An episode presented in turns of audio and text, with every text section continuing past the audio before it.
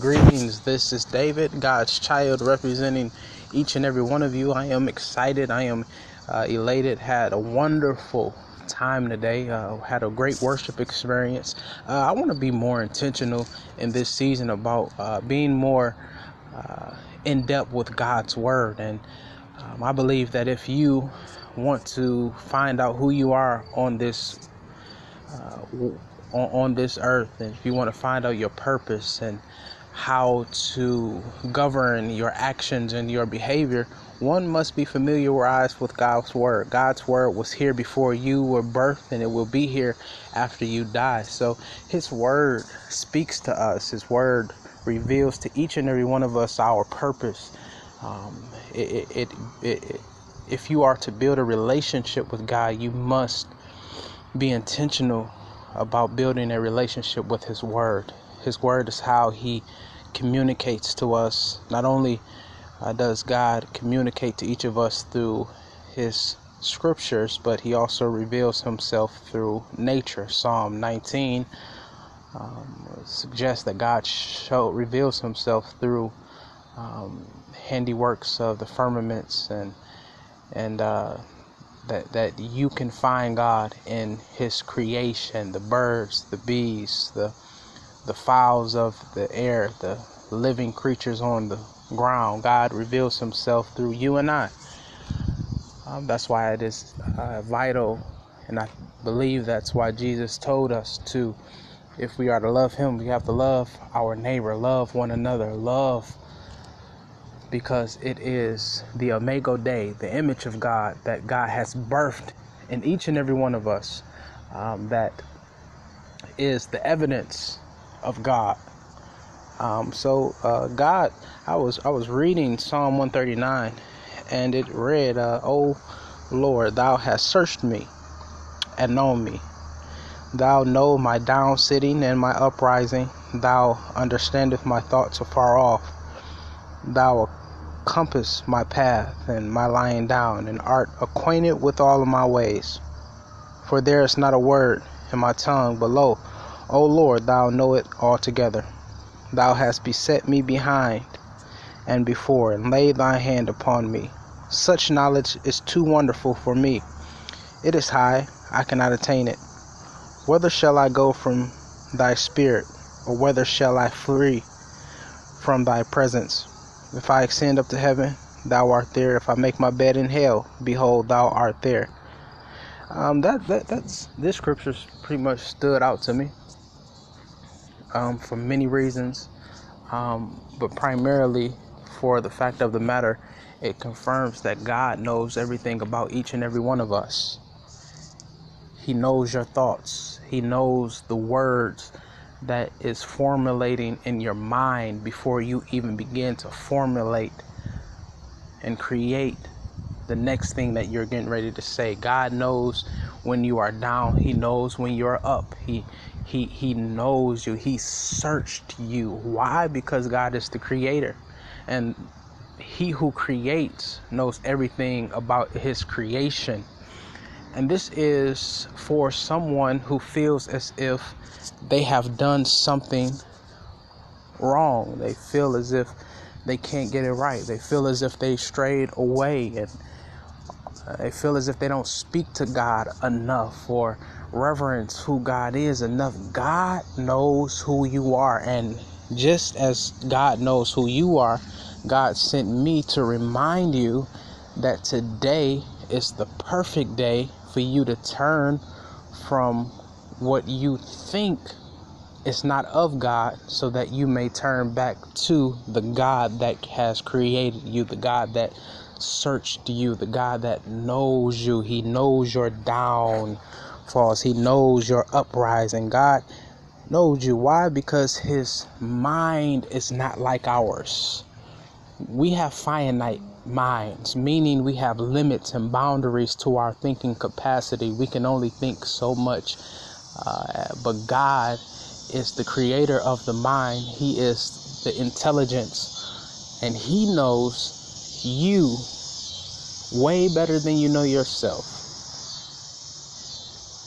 So, yeah, you may not be doing everything you think you should be doing, Yes, you may uh, not be governing your behaviors like you should be. And being mindful of that is a good indicator that you have the capacity to change. We don't always start off going right.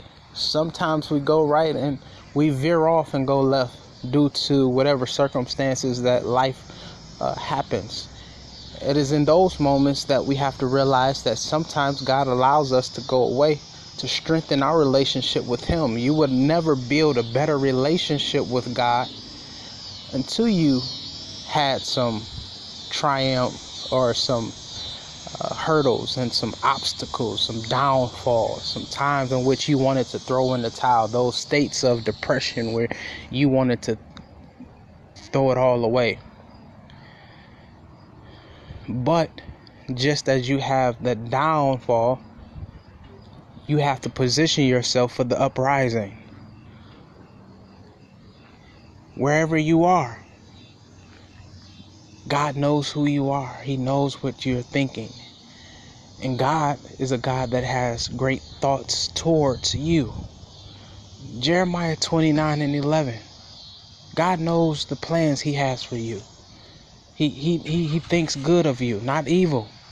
He wants to bring you to an expected end. And you have to build relationship with God through his word and through prayer and worship and, and singing and all of these things that help God to communicate to you in a more clear manner. A lot of times people want to say, I need God to speak to me. God will speak, but you have to open up His Word. You have to keep your mind focused on who God is, and God will connect with you and speak to you so that you may know how to govern your path and govern your life. God has not forgotten about you. I'm reminded of Noah who found favor amongst men and uh, amongst God, and God communicated to Noah to build. He gave Noah the instructions, the material to build the ark. But how did Noah communicate get relationship with God? He reverenced God. He worshiped God. He thought uh, good thoughts towards God to the point where God began to speak back to those who keep their mind on Him. So I want to challenge you. It's not even a challenge. Well, we can make it a challenge. Start off saying some good things about God and formulate a, a gratitude list. What are you grateful for? Start today with just listing 10 things that you're grateful for. I'm grateful for the ability to see. I'm grateful for the ability to have this podcast where um, the spirit in which God has placed in me has the ability to reach people across the the country and other countries. I'm grateful for the activity in my limbs. I know people who are paralyzed and don't have the functioning attributes of their legs. I'm I'm grateful for family. I'm I'm grateful to breathe air. I'm I'm grateful.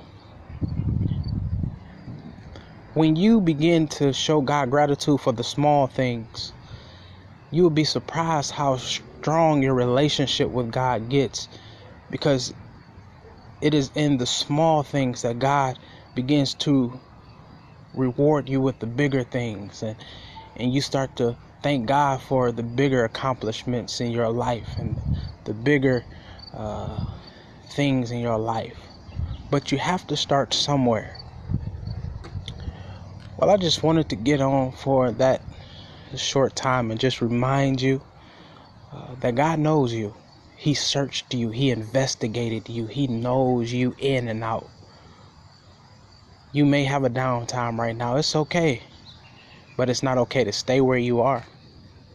You may be at the top right now. Always be mindful of God and keep your mind on God because if you get too big for yourself, God will make you as small as you need to be in order for God to get the glory out of you. All right, y'all be good. Be blessed. Peace.